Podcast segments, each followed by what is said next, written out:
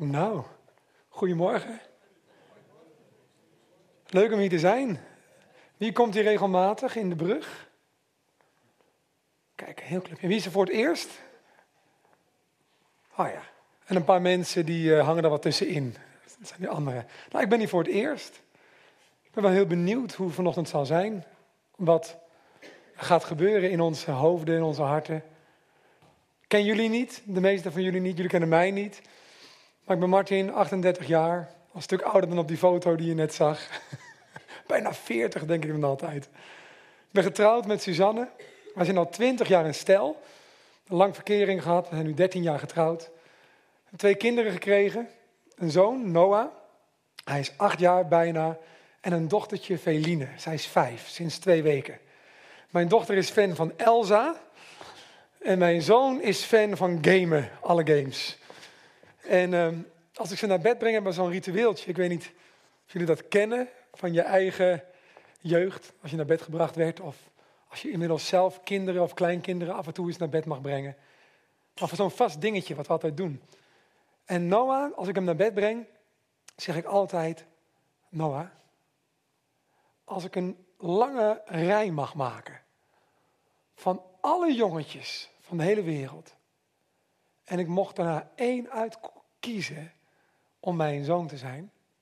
En dan zegt hij, ja papa, dan kies je mij. Dat weet ik al lang. Ik zeg, ja, dat klopt. Maar waarom dan? Omdat je zoveel van me houdt. Dat zeg je elke dag. Ik zeg, ja, dat klopt. Omdat ik zo ontzettend veel van je hou, Jochie. En dan uh, knuffel. En dan zegt hij, oké, okay, oké, hm. Laatst liep ik een keer de slaapkamer uit. En toen zei die papa, ja, als ik alle papa's van de hele wereld op een lange reis zou mogen zetten, toen vond ik het spannend worden. maar toen zei hij, dan kies ik jou. Gelukkig. Ja. En mijn dochtertje, we hebben een ander ritueel. Um, dat is vaak, ik heb een geheimje. Ik heb een geheimje. Dat je me zo lief vindt. Ja, ja, ja. Maar ik, ik heb nog een geheimje heel veel meer kan dan ik zelf denk. Ja, ja, ja. Ik heb nog een geheimje. Ja, papa, ik weet het wel. Ik indoctrineer mijn kinderen heel bewust, omdat ik weet hoe belangrijk woorden zijn. En ook vaak dingen die je heel bewust aan je kinderen geeft, soms overbewust, soms wel te dik bovenop, zijn soms ook die dingen die je zelf zo nodig had misschien. Uh, waarvan je denkt, en dat gaan zij niet missen of zo. Hè? Ik heb twee hele lieve ouders. Mijn vader en moeder kenden elkaar nog niet zo lang. Toen uh, mijn moeder zwanger raakte van mij. Uh, ze had een paar weken verkering. Toen gingen ze naar de camping. nou ja, tada. Zwanger. Zwanger. Nou ja, toen in die tijd, uh, eh, 38 jaar geleden, was dat in het dorpje waar mijn moeder vandaan kwam. Ja, dan moest je trouwen. Of het kindje moest weg. Dat was nog de discussie. Of het kindje weg, of jullie moeten trouwen en dan in een huwelijk dit kindje uh, grootbrengen. Gelukkig, zeg ik, kozen ze voor het tweede. Ook met hulp van mijn opa en oma Brand. Die absoluut niet wilden dat er een abortus uh, zou plaatsvinden. Heftig om dat te weten achteraf. Die discussie. Maar mijn ouders moesten erg wennen aan het ouderschap. Heel nuchter. Eigenlijk er nog helemaal niet aan toe. Eigenlijk zelf nog volop plannen maken voor de toekomst. Dan ineens een kind. Dus die hebben toch wel moeten wennen aan die rol. En knuffelen was bij ons thuis niet echt het ding. Of zeggen, ik hou van je. Of uh, ik ben trots op je. Of uh, ja, noem maar op. Gewoon positieve woorden spreken en warmte en dichtbij. Dat, dat deden we niet echt. Bij ons zeiden we vaak, we weten het wel. Hè? We weten het wel, hè? Zeiden we dan tegen elkaar. We weten het wel, hè? Maar echt zeggen, ik hou van je, nee. Heel af en toe, als ik viel, als kindje, spelend in de buurt, dan zei mijn moeder, ach, kom maar, kom maar. En dat herinner ik me, omdat het zo bijzonder was. Want dan kwam ik bij haar en dan hield ze me zo vast. Dan lag ik met mijn hoofd zo tegen haar borst aan en dan hoorde ik haar hart kloppen. En dan voelde ik me heel veilig en heel warm. En dan zei ze zo met de hand over mijn hoofd, ah jochie toch, ah jochie toch. Zoiets. En dat was echt alleen bij uitzonderlijke gebeurtenissen. Maar die momenten van veilig zijn en die woorden van ik hou van je. Ik ben zo blij dat jij jij bent en dat je er bent. Je bent gewenst. Mijn leven zou niet compleet zijn zonder jou. Of de wereld zou niet compleet zijn zonder jou. Oh, die zijn zo belangrijk. Daar zijn we hongerig naar. En als je dat niet krijgt of te weinig of niet op een manier die je verstaat, dan blijf je daarnaar zoeken. En dan ga je keihard werken, zoals net ook een beetje gezegd werd, om, om bevestiging te krijgen. Om te geloven dat je iemand bent, of dat je sterk bent, of iets voorstelt. Je hebt het nodig, we hebben het allemaal nodig. Nou, vandaag gaat het over pesten en over woorden die kracht hebben. Ik heb ooit een gedichtje geschreven. Uh, en dat gaat zo. Het blijft me soms bekruipen, zo'n gevoel niet goed genoeg te zijn. Het maakt dat ik weg wil kruipen naar de anderen aan de lijn. Die net als ik gebonden worden door verlammende citaten, uitgesproken in het verleden, die me vandaag nog denken laten dat het met mij niets gaat worden. Dat ik het wel verprutsen zal. En dat ik bij de eerste horde van mijn wedloop zeker val. In mijn werk, of mijn gedachten, word ik dikwijls neergedrukt. Door die donkere gedachten voel ik mij dan soms mislukt. Gek toch? Dat na al die jaren ik nog steeds onzeker ben. Zelfs successen die er waren, maken niet dat ik erken dat het met mij iets gaat worden. Dat ik het niet verprutsen zal. En dat ik bij de eerste horde van mijn wedloop echt niet val. Mijn hoofd is vol met die citaten die ik al veel te lang bewaar, die mij niet in mijn waarde laten. Ik wil ze niet meer. Ik ben klaar. Het is tijd voor nieuwe woorden. Hoop en leven, ook voor mij, ook voor jou. Ik wil eindelijk gaan horen wat een ander altijd zei. Dat het met mij iets zal worden. Dat ik het niet verprutsen zal. En dat ik de hoorde van mijn wedloop hebben kan. Voor mij kwamen die nieuwe woorden, waar ik over spreek in dit gedichtje, op mijn twintigste. Daarvoor had ik een hoofd vol oude woorden. Ik ben als een pester gaat aan twee kanten van de lijn actief geweest. Ene kant wat actief tussen aanhalingstekens als gepest jongetje. Kwam uit een grote stad, Utrecht. Uh, gebekt, gevoelig, fantasierijk, hield van zingen. Ja. En dan gingen we verhuizen naar een boerendorpje waar de jongens uh, hutten bouwden en een vader hielp op de, op, op de, op de trekker en uh, op voetbal zaten. Echt een cliché verhaal, Billy Elliot, zeg maar. Nou, ik was dan zeg maar Billy. En, ik, en mijn vader, om het cliché af te maken, was militair. Ja, hij was marinier. Dus ik voelde me altijd een beetje, ja, niet voldoen aan het beeld van hoe een jongen of een zoon zou moeten zijn. En in het dorp werd ik ook wel gepest. Ik weet nog dat er een moment was dat ik in het dorpje waar wij woonden, ik was toen een jaar of 16, naar het jeugdhonk zou gaan. We hadden zo'n jeugdhonk waar dan de, de, jongeren van het dorp biertjes konden drinken en uh, lekker bij elkaar zaten, darten en weet ik veel, feesten.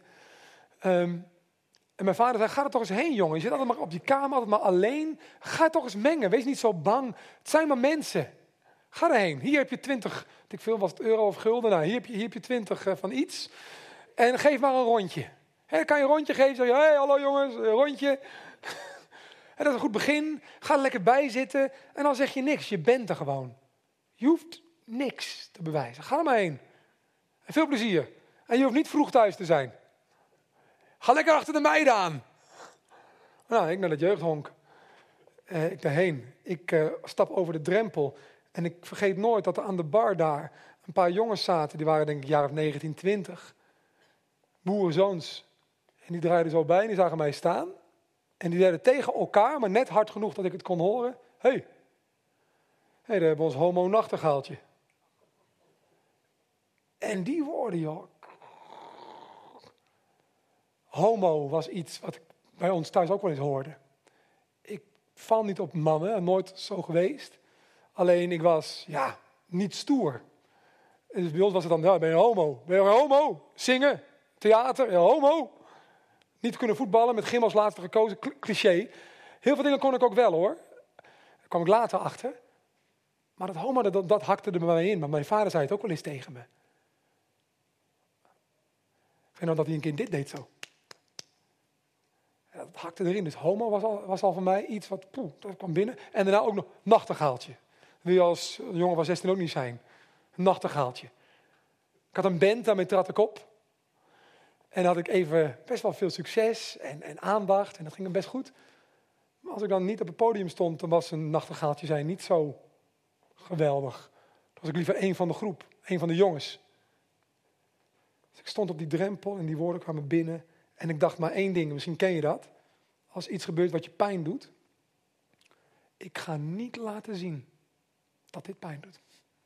Ze zullen me niet zien janken.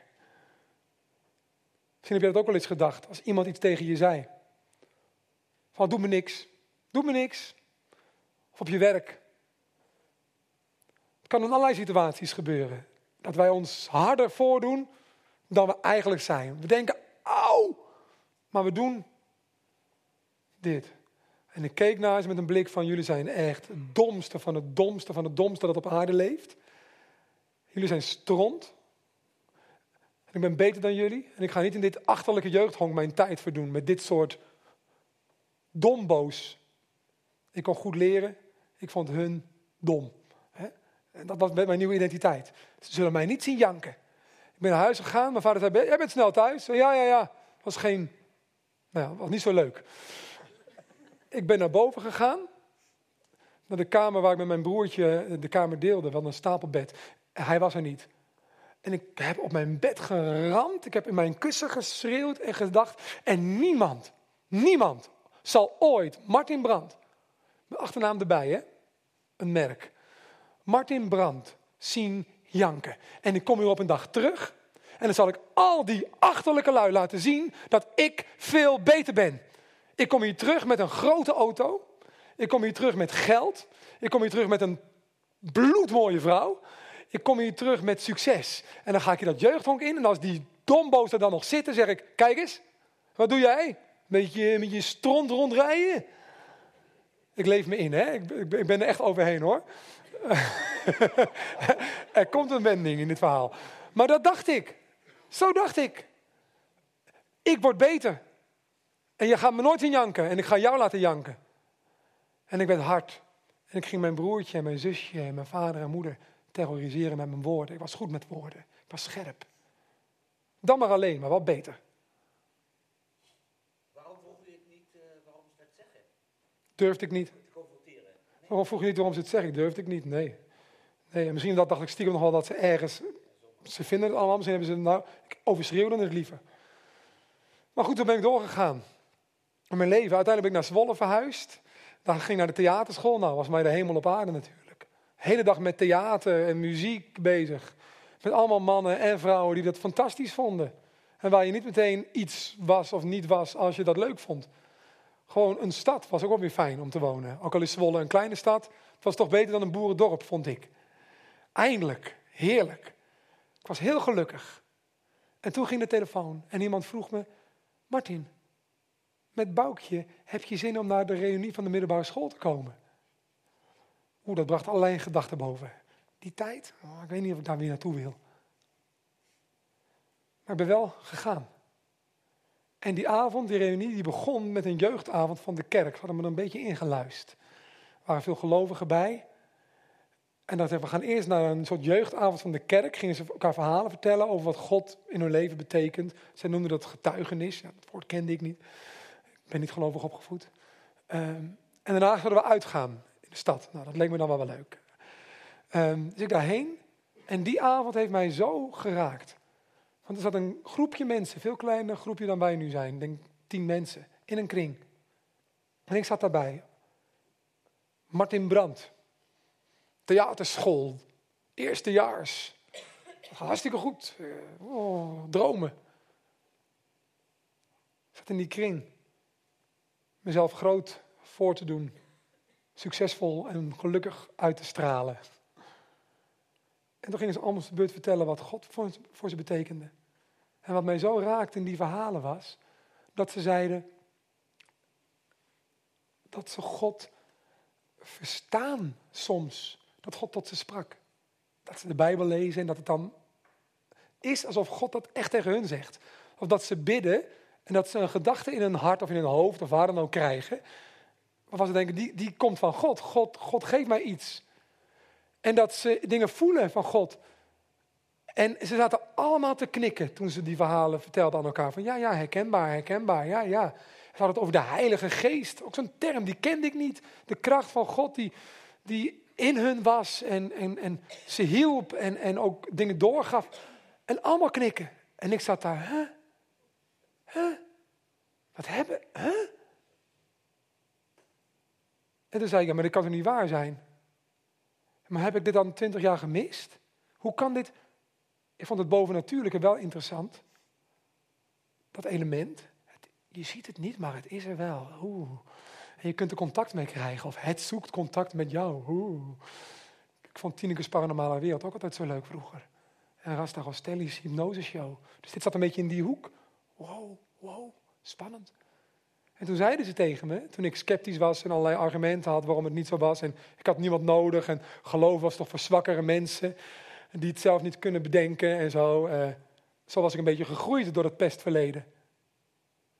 Zij zeiden toen tegen mij, Martin, maar wat als het waar zou zijn? Een beetje wat Maarten net zei over Pasen. Wat als Jezus echt opstond uit de dood? Wat als het waar zou zijn? Kan toch? Ik zei, ja, ja kan niet. Nou, heb je het onderzocht? Zelf? Nee. Nooit echt behoefte aan gehad ook. Oké, nou, het kan als je wil. Het liet me niet meer los. En die weken ben ik voor het eerst sinds lange tijd gaan bidden. Gaan lezen. En toen kwam er een moment. In mijn kamer in Zwolle. Dat ik de gordijnen had dichtgedaan en de deur op slot. Dat ik op mijn knieën zat en daar bad tot God. God, als u bestaat, misschien ken je dat soort gebeden wel. Wilt u mij dan laten merken? Iets. Wilt u mij laten zien? Iets. Waardoor ik dat bizarre verhaal, wat ik echt wel kan snappen, ook zou kunnen geloven. Dat het, dat het dichterbij komt. Ik snap het wel, maar ik geloof het niet. Het is te mooi om waar te zijn. Het is, het is theorie. Het is in een etalage kijken en al die producten heus wel kunnen beschrijven, maar ik kan het niet echt pakken. Veel woorden voor open mijn ogen. Ik was zo nieuwsgierig. Ik moest het weten. Achteraf zeg ik, dat was al God die aan het werk was in mij. Toen zag ik dat niet zo. Ik was gewoon bloednieuwsgierig. En God heeft dat gebed beantwoord. Het is nu 18 jaar geleden. En hoe? Ik heb geen stem gehoord. Mijn licht ging niet ineens knipperen of zo, dat ik een soort bovennatuurlijk verschijnsel. Maar er gebeurde iets in mij. In dat moment van bidden werd ik van binnen geraakt. En ik werd als het ware warm. Mijn harde hart. Ik had ook nooit meer gejankt sinds mijn tienerjaren. Ik had woord gehouden. Niemand zal Martin Brandmos in janken. Ik doe het zelf wel. Ik heb niemand nodig. Laat mij maar. Stelletje. Ik vertrouw alleen mezelf. Die. Tegenwoordig noemen we dat niet gezond gehecht. Nou. Die Martin, die voelde zich thuiskomen. En ik voelde dieper dan weten dat God blij met me is. Dat ik geen ongewenst babytje was. In een veel te jonge relatie. Maar dat ik een geliefd schepsel, handwerk, maatwerk van God ben. Dat Hij intens, intens van mensen houdt. En dat er geen kleine lettertjes zijn. Ik hou van je maar. Nee, ik hou van je punt. En ik kan er veel woorden aan besteden, maar liefde is iets dat je moet ervaren. Niet iets dat je alleen maar kunt snappen. Dat, dat, dat moet binnenkomen. En dat kwam bij mij toen binnen. En ik begon te zingen. Ik ben altijd een zanger geweest. En toen begon ik te zingen. Oh, oh, dat soort liedjes zonder tekst. Wow, dank u. Oh, het is zo. Oh, ik had geen christelijke liedjes op mijn repertoire. Ik kende ze niet. Dus ik kon alleen maar wow zingen. En het is echt zo. En dank u wel. En ik hou van u. En oh, oh, oh. Mijn huisgenoten zullen gedacht hebben. Van wat is dit? Wat in dat kamertje gebeurt. Maar het was heel diep. En dat is nooit meer weggegaan. Toen kwamen de nieuwe woorden. Ik heb voor mijn broertje René toen een liedje geschreven. Ik kwam thuis en ik had inkopen gedaan bij de lokale Bijbelshop. Zo'n vis gekocht. Van die kruisjes en wat zou Jezus doen en bandjes. Ik heb ze allemaal niet meer. Um, um, maar toen rinkelde ik van het spul. En ik kwam thuis daarmee en mijn broertje keek en die zei, wat heb jij? Zeg, ja, ik ben christen geworden. En mijn vader zei, ik had liever dat je alcoholist was geworden. Want die zijn eerlijker. Um, ja, ze hebben allebei een probleem. Uh, alleen uh, een alcoholist heeft tenminste nog, ja, een christen is straks een hypocriet. Voor in de kerk allemaal mooie verhalen en dan ondertussen. Wees dan alsjeblieft een eerlijke alcoholist. Ik heb een lieve vader, maar had zo zijn ervaringen met christenen gehad. En mijn broertje, die zei, en jij vond jezelf toch zo slim? Komt natuurlijk vanuit die context van een broer die altijd gepest had. Hè? Dus vonden mij, ze waren niet op slag fan van Martin of zo. Die eikel kwam thuis, maar ineens met zo'n smile en een vis om zijn nek. Het was gewoon even wennen. En jij was toch zo slim, vond je? En mijn zusje zei, je vond me toch zo'n lelijke dikzak? Ga je dan nu een beetje heilig lopen doen? Een beetje bidden aan tafel en zo? Nou, echt niet. Ik had niet veel te zeggen, behalve het spijt me. Ja, ja, ja. Nee, uh, tuurlijk. Maar ze keken wel van, meent hij het nou? Meent hij het nou? En toen zei mijn broertje tegen me, jij was toch zo slim. Hoe kan je nou geloven in een Jezus van 2000 jaar geleden? Heb je hem gezien of zo? Heb je hem een hand gegeven vanochtend? Of, uh... Die Bijbel is een beetje oud, hè? Ga je daar nu ineens naar luisteren? Ga je nu uh, fundamentalist worden? Ga je jurk aantrekken? Wat ga je doen? Ik zei, ik weet niet. Mag je nou geen seks meer voor het huwelijk? Oh, had ik helemaal niet bij stilgestaan. En mag je nu niet meer dit en mag je nu niet meer dat? Ik zeg, daar ben ik helemaal niet mee bezig. Ik, het enige wat ik tot nu toe weet is, God is er. En Jezus is echt. Er gebeurt iets als je de naam van de Heer Jezus Christus uitspreekt. Dat is het enige wat ik weet. En dat ik er heel blij mee ben. Dat heb ik een lied geschreven en dat ga ik nu voor jullie zingen. En het heet Jezus nooit gezien. Dit is allemaal nog mijn intro. ja, ik kan ook blijven avondeten. Voor alle sceptische mensen, zoals ik zelf ook altijd sceptisch was. Ik heb Jezus nooit gezien. Nooit zachtjes aangeraakt Nooit hoorde ik hem lachen aan mijn tafel om een grap of iets dat hij had meegemaakt. Nog nooit zag ik hem eten of dansen op een feest. Al die alledaagse dingen toen. Ben er nooit zelf bij geweest. Dus hoe kan ik dan zeggen dat hij zoveel van je houdt? En hoe kan ik dan zingen? Het komt wel goed. Als je vertrouwt. Hey, is toch een beetje naïef sprookje wat je heel graag wil geloven, maar toch niet echt waar kan zijn. Jezus nooit gezien. En ik heb zijn stem nog nooit gehoord. Zijn haarkleur of zijn ogen. Ik heb geen flauw idee, zo weinig dat ik zeker weet. En ik heb hem niet zien lijden. zag hem niet sterven aan een kruis voor mij. En ze zeggen dat hij opstond, maar ze waren er niet bij. Dus hoe kan ik dan zeggen dat ik zoveel van hem hou? En hoe kan ik dan zingen dat ik geloof en hem vertrouw? Ja, ik weet, het klinkt onlogisch en ik snap dat je sceptisch bent. Als je God je hart geeft, weet dan dat heel je wezen hem herkent.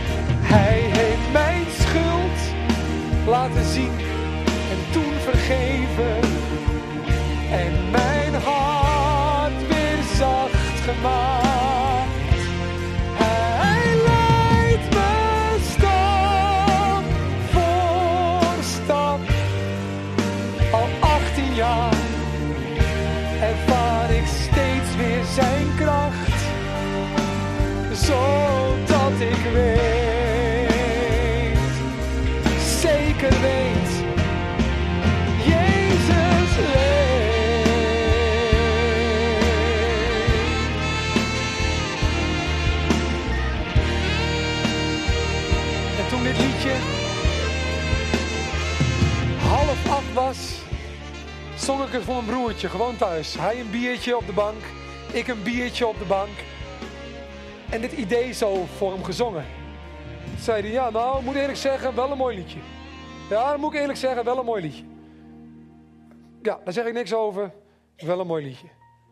Maar ik geloof het niet. Tenminste, ik geloof wel dat je het meent, maar ik geloof het niet. Ik zei, ja, dat snap ik heel goed. Het is ook niet te geloven uit jezelf. Het is niet te begrijpen, zolang je aan de zijlijn staat. Maar als je eerlijk zoekt naar Jezus, het zou eens waar zijn. Als je bidden gaat tot Jezus, weet maar dat er iets veranderen gaat. En na een paar maanden zei mijn broertje tegen me: Martin, ik geloof inmiddels in iets. Ik zei: Nou, dat is wat. Wat geloof je dan? Nou, ik geloof dat jij er wel op vooruit gaat sinds je gelooft. Ik zei: Nou, dat vind ik gaaf dat je dat zegt. Maar niet dat je nu volmaakt bent hoor, zei hij er gelijk achteraan. Nee, dat weet ik. Nee, maar je kijkt een beetje anders. Er is iets in je blik anders. Het is zachter. Mijn zusje, waar ik vroeger tegen zei, over pesten gesproken. Het enige dat jij ooit zult bereiken. Zij hoorden er wel bij in het dorp, hè? daar komt het een beetje vandaan. Het enige wat jij ooit zult bereiken in je leven, als je heel goed je best gaat doen, is dat je mijn bureau later mag schoonmaken. Zo hard was ik voor mijn bekering. Mijn zusje zei na een paar maanden, dat ik keer op keer zei tegen haar hoeveel spijt ik had. En dat ik probeerde de waarheid er tegenover te zetten. Dat ik jaloers op haar was, eigenlijk, vroeger. Dat ze zoveel vrienden had. Dat ze zo'n goede klik met mijn ouders had. Dat ze wel mooi is. Pas na een paar maanden stonden we samen af te wassen. Toen zei ze, Martin, ja, vind je mij eh, knappe zus? Ik zei, ja, oké, nog gewoon checken. Dan ging ze verder afwassen. Langzaam begon ze te geloven dat ik echt anders was gaan denken. Was van binnen wat veranderd. Nou, ik wil jullie wat laten zien over pesten in, in gewoon het grote verhaal. Ik ga niet meer heel lang spreken, want ik heb vooral mijn eigen verhaal gedeeld. Hè? Maar ik wil wel wat dingen laten zien. En als het over pesten gaat, dan heb ik het niet alleen over wat op de basisschool of op de middelbare school onder jongeren gebeurt. Maar dan heb ik het over het eeuwige schoolplein. Pesten gaat namelijk door. Mensen discrimineren, mensen buitensluiten, mensen intimideren. Dat, je, dat je het gevoel hebt dat je niet kunt doen wat je wil, maar dat anderen het voor je bepalen. Dat je niet vrij bent. Dat is van alle leeftijden, alle culturen, alle tijden. Dat stopt niet. Vandaar ook het eeuwige schoolplein. Nu ik zelf weer op een basisschoolplein ben voor mijn eigen kinderen, zie ik het ook Ik zie ouders in groepjes staan. Ik zie daar een paar rijke ouders staan. Tenminste, kleding, zie een beetje zo, ja, een beetje die hoek. Ik zie daar een vrouw alleen staan die een beetje schichtig zo kijkt van, nou, ik hoop dat niemand met me gaat praten. Eh, dan denk je, oh, kan je haast ook het kind wel uittekenen dat erbij hoort. Je ziet het doorgaan. En ik zie mezelf ook inschattingen maken. Bij jou gaat mijn kind wel spelen, bij jou gaat mijn kind niet spelen, bij jou gaat mijn kind wel spelen. Hier ga ik eens even checken. Je plaatst mensen van nature in categorieën. En de ene categorie spreekt je aan en de andere niet. Dat is gewoon mens eigen. En de gevolgen van pesten zijn best, best heftig. Uit mijn eigen leven weet ik dat dus, heb ik net verteld. Maar misschien jij ook wel. De gevolgen zijn nog op de lange termijn merkbaar. En ik heb een paar even voor je op een rij gezet. Overspannenheid. Burn-out. Depressie. Drugs- of drankverslaving. Een posttraumatisch stresssyndroom. Automutilatie. En zelfmoordpogingen. Best heftig om dit zo te zien. Maar dit komt uit onafhankelijke landelijke onderzoeken over pesten en de gevolgen op langere termijn. Dat zelfmoordpogingen vanuit het gevoel, wie zit er nou op mij te wachten? Ik ben niks. Ze willen me niet. Wat zou ik hier nog langer zijn? Ze luisteren toch niet. Niemand zou me missen. Of jezelf pijn doen, hè, automutileren. Om nog maar iets te voelen. Want je zo koud bent geworden, zo afgesloten, zo opgesloten. Dat je dat moet doen om nog maar iets van mens zijn te ervaren. Daar is een directe link met pesten. Pesten is niet onschuldig. En dat weten we eigenlijk allemaal wel. Maar toch, maar toch gebeurt het altijd. En niet alleen op scholen. Ook in bejaardenhuizen was vorig jaar groot nieuws. Dat er een campagne zou komen in bejaardenhuizen met allemaal koffietafels. Mensen werden buitengesloten. Dat mevrouw de Boer dan werd gepest op mevrouw Jansen. Dat ze over elkaar robbelen. Daar groei je niet overheen, want je blijft mens. Je blijft dat doen. Het biedt namelijk iets om te pesten. Het levert echt iets op. Wat voor de grote groep die niet gepest wordt op dat moment, ook positieve effecten heeft voor allerlei dingen. Waar ik straks op terugkom. Dus het gaat door. Maar het is niet onschuldig. De cijfers zeggen, heb ik laten leren door de onderzoeken te lezen, dat één op de zes mensen met pesten te maken krijgt. Dat je dus gepest wordt. Eén op de zes. Sommigen heel heftig. En anderen wat minder heftig, maar één op de zes. Eén op de twintig is een aanvoerder van pestgedrag. Eén op de twintig mensen. Zou dat voor ons ook gelden? Dat één op de zes gepest is? Waarschijnlijk, dit is landelijk. En wat we ook door TNO hebben laten onderzoeken, nog maar twee jaar geleden, is dat 1,2 miljoen volwassenen op het werk, dus volwassen mensen op het werk, last hebben van pesten, vormen van discriminatie, om wat dan ook, hè, omdat je vrouw bent, omdat je een kleurtje hebt, of omdat je op wat voor manier dan ook anders bent dan de norm. En seksuele intimidatie, ongewenste intimiteiten, ongepaste opmerkingen, dat mensen in je privéruimte komen. Dat ze over je grenzen gaan. Intimidatie, ook seksueel. En 4 miljoen extra verzuimdagen levert dat op. Per jaar. Landelijk. 4 miljoen extra verzuimdagen direct gekoppeld aan pesten. Dat betekent 900 miljoen euro aan loondoorbetaling door werkgevers. Pesten kost werkgevers 900 miljoen euro per jaar. De werkvloer doen scholen even helemaal niet mee in bejaardenhuizen. Puur in de professionele sfeer. Dat is wat, hè? Wist je dat het zoveel waren? Je denkt dat het, zijn een paar zielige vogeltjes en die, ja, die zijn dan ergens, ergens zo anders dat ze gepest worden. Nee, het is een veel groter probleem. Veel groter. De helft van de leidinggevenden en 40% van de werknemers heeft al eens meegemaakt dat een collega werd gepest. En dat kan heel subtiel zijn van dat je in een vergadering zit en iedereen brengt dat in. En jij zegt wat mensen doen net of ze het niet horen. Of ze praten over je heen. Of wordt koffie gehaald, maar niet voor jou. Of eh, ze gaan samen lunchen, maar ze zijn jou vergeten te vragen. Of uh, je wordt uitgelachen. Je hebt een bijnaam. Eh, je wordt niet serieus genomen. Het korreltje zout genomen. Dat is heel pijnlijk. Heel pijnlijk. En niemand is er trots op. Ik heb nog nooit meegemaakt op een, op een feestje of zo, een verjaardag of in de voetbalkantine aan de bar, dat, dat mensen zeggen, nou wat wij nou op het werk doen, is leuk joh. Dan gaan we dus een collega met z'n allen buitensluiten. En dan gaan we pesten en lachen. Niemand vertelt dat. Ik kom zo bij je. Want, want ehm, dat is toch iets waar je niet trots op bent. Dat voelen we wel, dat je dat niet zo in de groep inbrengt van ik ben een pester of wij pesten. Maar waarom gebeurt het dan? Nou, dat is ook onderzocht. De redenen waarom wij met z'n allen, of we nou kind zijn, jongeren of volwassen of bejaard, pesten is dit. Zelf meer populariteit. door iemand naar beneden te duwen sta je zelf wat meer boven. De lachers op je hand krijgen. Meer verbinding en sterker teamverband. Verbinding is echt een soort modewoord, hè? Verbinden.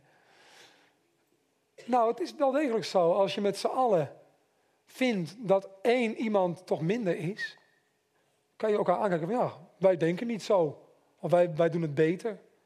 Of gelukkig zijn wij dat niet. Dus wij zijn sterker wij, omdat hij er buiten staat of zij. Dus dat heeft wel degelijk een versterkend team-effect of een wij-effect door een zondebok te hebben. Ook gelijk het volgende. Een zondebok voor agressie, angst en geweld. Culturen doen dat. De Joden zijn zondebok geweest. Of zigeuners. Of, of mensen met wat voor beperking dan ook. Zij zijn het probleem.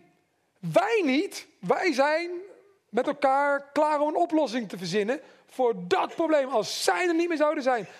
Het is een, het is een uiting van angst. Het is een uiting van onvermogen. Een uiting van ik kan het allemaal niet voor elkaar krijgen. Maar het wordt ineens heel concreet. Want als zij de schuld hebben, heb ik ineens heb ik een soort richtpunt. Kan ik iets gaan doen? Kan ik mijn angst ergens kwijt? Een zondebok. En zelf de zondebok niet zijn, dat is ook fijn hè? Dus het geluk dat een ander er slechter aan toe is. En dat je zelf de zondebok niet bent. En wie pesten we? Nou, iemand die anders is. Iemand die onzeker of zwakker is. Of juist iemand die sterker en talentvoller is. Van doe maar gewoon. Steek je kop maar niet boven het maaiveld uit. Jaloezie is ook een reden waarom mensen kunnen pesten. Nou, toen ik tot geloof kwam en ik ontdooide en ik voelde hoeveel God van mij houdt, ben ik gaan vergeven. Ik weet nog dat er een moment kwam dat ik op vakantie was in Frankrijk. Ik zat er met mijn bijbeltje en eh, alles was nieuw en oh, muziek luisteren. Helemaal, helemaal uh, ik liep op wolken in die tijd. En tijdens dat zingen en nadenken en bidden schoot mijn vader in gedachten. Van je moet je vader vergeven. En om vergeving vragen. Ja, ja maar, ja maar, moeilijk. Ja maar, doe maar. Moet je doen, dan word je vrij. Dan houdt het je niet meer vast. En de jongens in het dorp aan die bar. Vergeven. En dat heb ik toen, omdat het zo bleef bonzen in mij, in mijn hart, hardop gedaan. Ik heb hardop uitgesproken. En misschien als jij iemand hebt die jou wat aangedaan heeft en je zou eraan toe zijn, kan bevrijdend zijn. Hardop gezegd, ik vergeef jou papa, dat je mij het gevoel gaf dat ik. Of dat je tegen mij zei dat.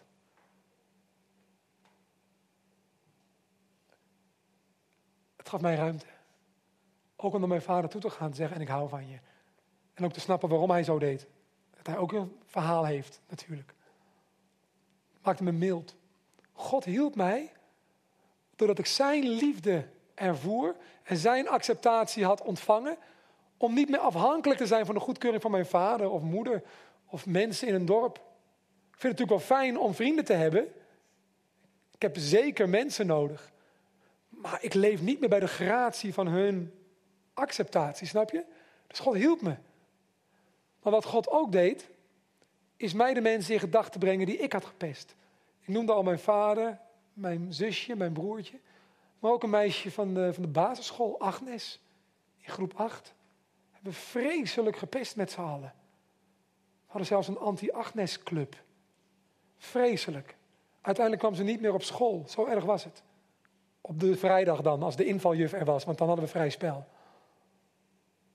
Ik had haar negen jaar niet meer gezien sinds ik van de basisschool af was. En ineens popte ze in mijn eerste jaar christen zijn in mijn gedachten. Er is nog huiswerk met Agnes. Je hebt daar iemand beschadigd. Oplossen. Maar ik weet niet waar ze woont, ik weet niet hoe het met haar gaat. Zit ze wel erop te wachten? Telefoonnummer van haar moeder via via kunnen krijgen. Haar moeder gebeld. Nou, die kende me nog wel. Ik zeg, uitgelegd dat ik veranderd was, wat er gebeurd was. Mag ik Agnes telefoonnummer? Ik kreeg het. Agnes gebeld. En haar vertelt dat het me speet. En de dingen ook concreet genoemd. En haar om vergeving gevraagd. En gevraagd hoe het nu met haar gaat. Nou, toen ontdekte ik dat negen jaar geleden voor haar gisteren was. En dat ze ook niet kon zeggen, nou, zand erover. En dankjewel voor je vraag om vergeving. Hè, ik voel me weer een stuk beter. Nee, ze leefde nog steeds in die pijn. Maar ze vond het wel fijn dat ik belde en vergeving had gevraagd. Kijk, zij heeft haar proces van, nou ja, leren wie ze is. Wat mensen ook gezegd hebben. Maar mijn proces was haar om vergeving vragen. Want God was Agnes niet vergeten. Dat vind ik zo bijzonder van onze God. Tenminste, de God die onze God wil zijn. Die van je houdt. Dat hij van anderen net zoveel houdt als van jou. Dus dat hij niet alleen tegen mij zegt, Martin, ik hou zoveel van jou, je bent mijn zoon en uh, we gaan verder samen. Maar dat hij ook tegen mij zegt, Martin, maar ik hou ook van Agnes. Net zoveel als van jou. Dus als je haar pijn doet, doe je mij ook pijn als vader, als hemelse vader van haar. Los het op. Maak het goed. Dat is onze God. Je kunt niet aan de ene kant met God aanpappen en met mensen in onmin blijven leven als je daar nog invloed op hebt, als je daar nog huiswerk hebt. God zal daar altijd op terugkomen met je. Niet om je te pesten, maar om jou en die ander vrij te maken. En Jezus is degene die erbij wil helpen. Jezus is degene die altijd de melaatse in zijn tijd is. De, de mensen die werden verworpen, die ziek waren. Of, of die omdat ze vrouw waren. Of omdat ze geen man meer hadden. Of omdat ze heel veel mannen hadden. Of omdat ze dieven waren. Mensen die daar buiten stonden, die zocht hij altijd actief op. Hij ging er naartoe. Hij ging naar binnen. Hij zei, zullen we samen eten? Zullen we iets delen? Ik wil bij jou zijn. Dat is Jezus. En Jezus zei, wie mij heeft gezien, heeft God gezien. Dus wat ik doe, dat is precies een afspiegeling van wie God is. Dus hij zoekt jou op. Hij wil jou erbij. Maar hij wil jou ook gebruiken om anderen op te zoeken. En erbij te halen. Hij wil jou vasthouden. Als jij je laat vasthouden, zul jij op je beurt weer andere mensen gaan omhelzen die veel te weinig omhelst worden. De laatste tekst die ik wil lezen, want ik heb al veel te lang gepraat, denk ik, is een tekst die Jezus over zijn missie voorlas. Jezus zei, we kunnen naar die andere tekst gaan? Deze. Op bepaald moment, als Jezus net begint met zijn werk en overal wonderen gaat doen en uh, uh, ja, vertelt wie God is, is dit zeg maar zijn mission statement die hij opleest in de tempel om aan iedereen te vertellen, hey jongens, dit is ongeveer de samenvatting van wat ik kom doen op aarde. De geest van de Heer, zegt hij, rust op mij. Want hij heeft mij gezalfd. Dat betekent, hij heeft mij geschikt gemaakt. Hij heeft mij een speciale roeping gegeven. Om aan arme mensen het goede nieuws te brengen. Geloof, Jezus is goed nieuws. Het is geen beklemmend nieuws, het is geen gevangenschap, het is goed nieuws. Het is echt goed nieuws. Daarom heeft hij mij gezonden om aan gevangenen hun vrijlating bekend te maken. En aan blinden het herstel van hun zicht. En aan jou en ieder die onderdrukt is, vrijheid te geven. En een genadejaar van de Heer uit te roepen. Van de woorden partytime. Let's make right what is wrong. Laten we, laten we een revolutie beginnen. Ik wil een revolutie. Ik wil gevangenen vrij. Ik wil onderdrukte vrij. Ik wil blinden die kunnen zien. Ik wil lammen die kunnen lopen. Ik wil dat armen rijk zijn. Ik wil dat het beter gaat met mensen. Onderling en individueel. Jezus bracht, maar is vooral goed nieuws. En die missie van hem, van toen, die is altijd doorgegaan. Hij wil dat vandaag nog steeds.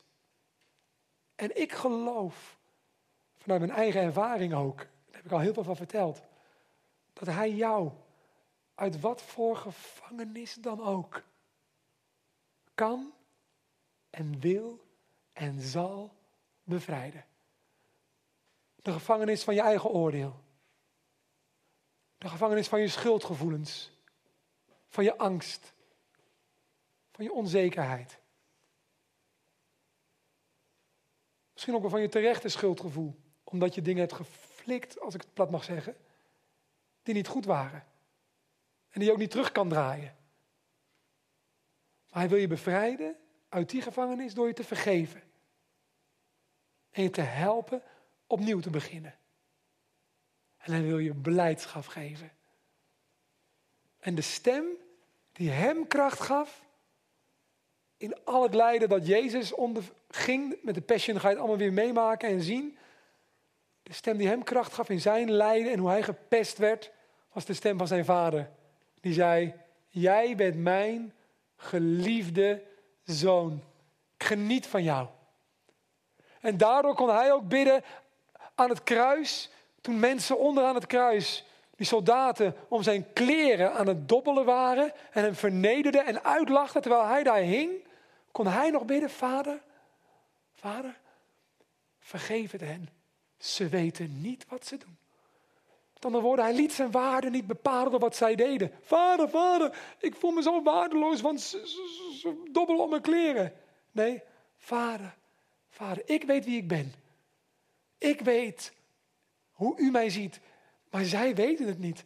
Heere God, wilt u ze helpen? Maar dan ben je echt heel ver gekomen.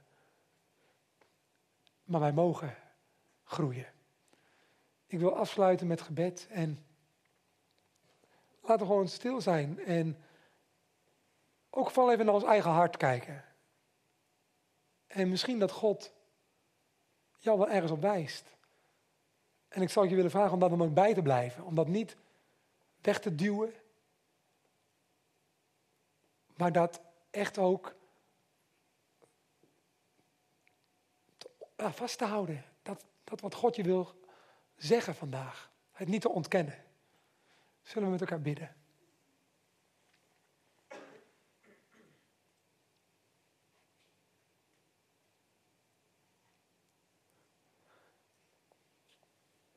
Heer, u doorgrond en kent mij, want in de moederschoot ben ik door u geweven.